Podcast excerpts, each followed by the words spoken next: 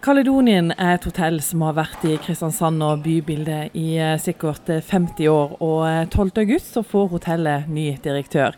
Hege Juliane Nevestad, du er den nye direktøren. og Hva tenker du om å overta en direktørjobb på et hotell som har vært her i det vi kaller alle år? Ja, det er jo et hotell som har vært her i 50 år akkurat. Vi har 50-årsjubileum i år, faktisk. Um, det blir veldig spennende. Jeg er jo den første kvinnelige direktøren på Kaledonien, og den yngste de har hatt. Så det er jo litt press, men uh, jeg ser veldig fram imot det, altså. Jeg gjør det.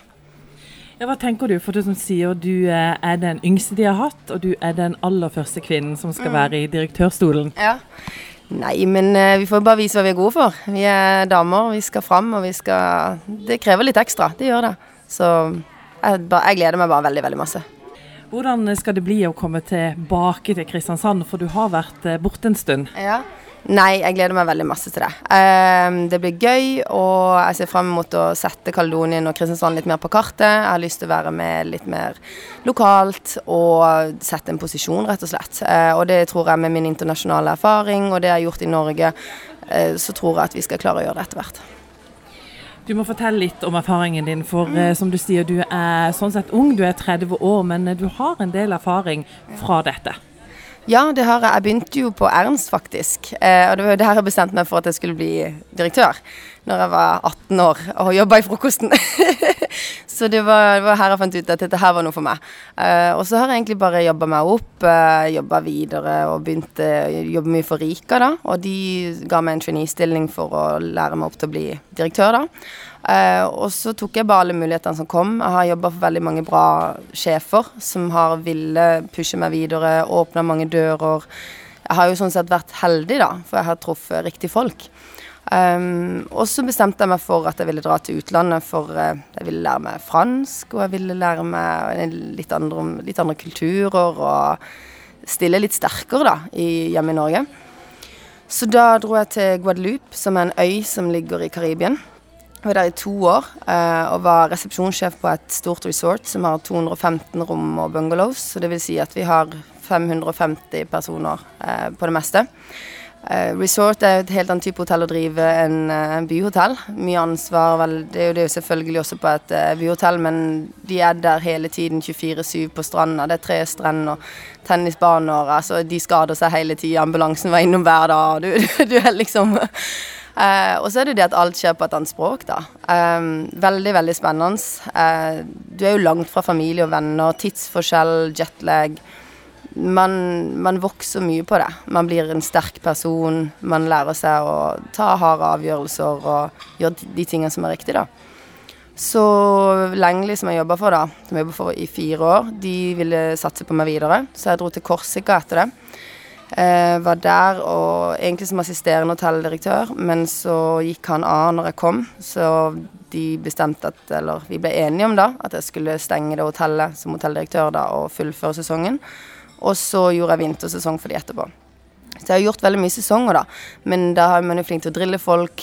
Veldig kontroll på drift. Veldig eh, Har veldig overblikk, for hvis man ikke får blikk, overblikk med en gang, så er det for seint, for da er sesongen kjørt.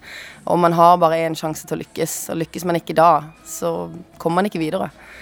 Så jeg gjorde jo to sesonger i Alpene, i Val Thorans, franske alper.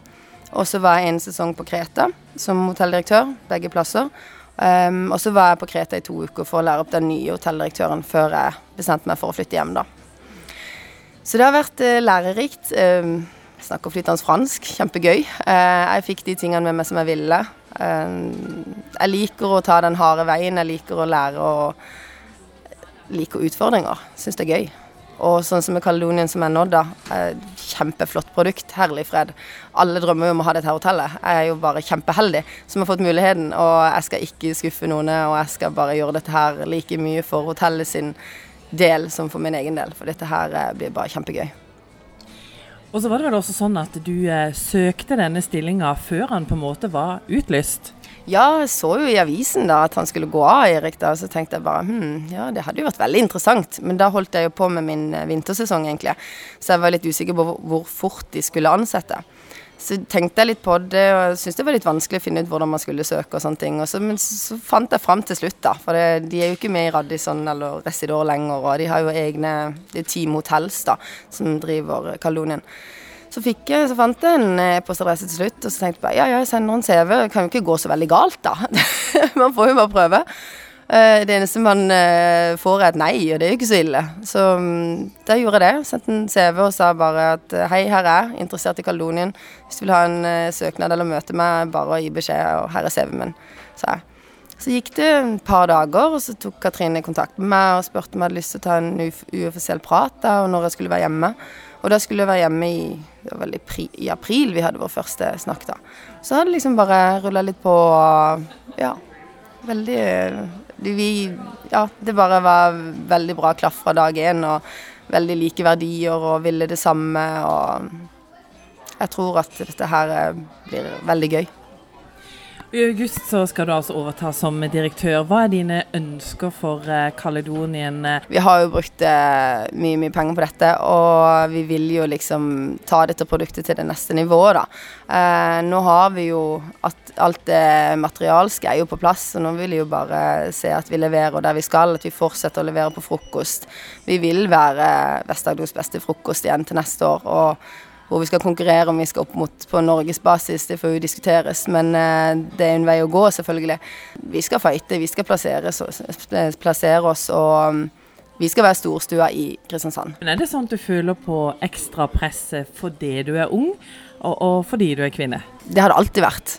Uansett. Det er ikke bare her. Det har alltid vært ekstra press for det.